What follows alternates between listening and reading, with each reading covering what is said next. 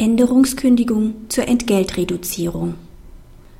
Der Arbeitgeber befindet sich seit einigen Jahren in wirtschaftlichen Schwierigkeiten. Zur Abwendung einer Insolvenz beschließt er ein Sanierungskonzept, das unter anderem Einsparungen durch eine Änderung der Arbeitsbedingungen der Mitarbeiter in Höhe von 1,5 Millionen Euro vorsieht. Im Gegenzug bietet der Arbeitgeber den Mitarbeitern den Ausschluss von betriebsbedingten Kündigungen für einen bestimmten Zeitraum an. Infolge des Sanierungsplans soll sich die Arbeitszeit der Beschäftigten unentgeltlich erhöhen und das bestehende Urlaubsgeld gestrichen werden. Der Arbeitgeber bietet zunächst allen Beschäftigten die freiwillige Annahme der Regelungen des Sanierungsplans an. Von 447 Arbeitnehmern verweigern lediglich acht Mitarbeiter ihre Zustimmung, die daraufhin eine Änderungskündigung erhalten. Ein betroffener Arbeitnehmer wehrt sich gegen die Änderungskündigung mit der Behauptung, das Sanierungsziel sei bereits durch die freiwillige Annahme des Sanierungsplans durch 97 Prozent der Beschäftigten erreicht, sodass die Kündigung seines Arbeitsverhältnisses entbehrlich gewesen sei.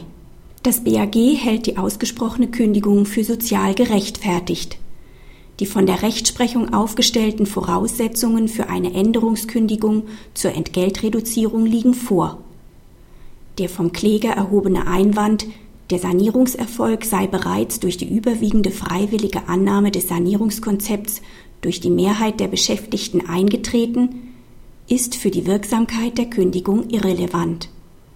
Der Einwand ist einerseits widersprüchlich, da der Arbeitnehmer seiner Argumentation die Verbindlichkeit des Sanierungskonzepts zugrunde legt und etwa den damit gewährleisteten Ausschluss von Beendigungskündigungen oder die Notwendigkeit bestimmter Sanierungsbeiträge nicht in Frage stellt. Damit erkennt der Betroffene mehr oder weniger an, dass es sich um eine Regelung für alle Beschäftigten handelt. Unrichtig ist auch die Auffassung des Arbeitnehmers, dass der Sanierungserfolg zum Kündigungszeitpunkt bereits eingetreten war. Auch wenn zu diesem Zeitpunkt bereits die Mehrheit der Beschäftigten dem Sanierungsplan zugestimmt hatte, änderte das an der nach wie vor bestehenden schlechten finanziellen Situation des Unternehmens nichts. Der Arbeitnehmer kann sich auch nicht darauf berufen, dass der von ihm zu erbringende Beitrag im Verhältnis zum gesamten Sanierungsvolumen unerheblich sei.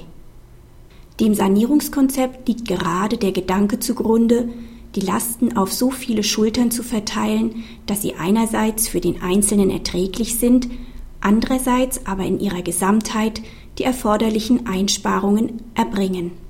In rechtlicher Hinsicht kann es somit nur um die Frage gehen, ob der Einzelbeitrag als Anteil an allen Sanierungsbeiträgen geeignet und erforderlich ist. Das ist vorliegend der Fall. Es liegt auch keine Verletzung des Gleichbehandlungsgrundsatzes vor.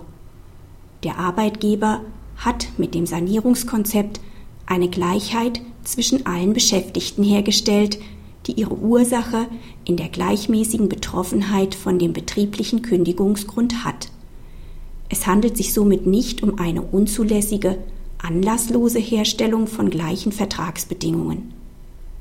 Würde die Argumentation des Arbeitnehmers zutreffen, wäre der Arbeitgeber überdies gezwungen, von vornherein gegenüber allen Beschäftigten Änderungskündigungen auszusprechen.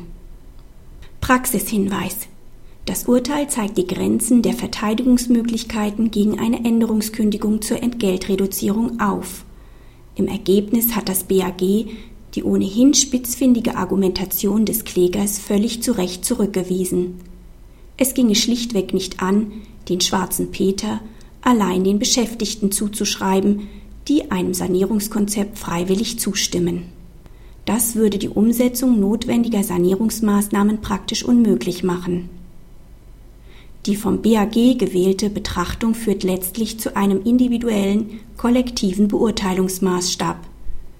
Entscheidend ist die Erforderlichkeit des individuellen Sanierungsbeitrags im Rahmen des gewählten Gesamtkonzepts. Daran ist nichts auszusetzen.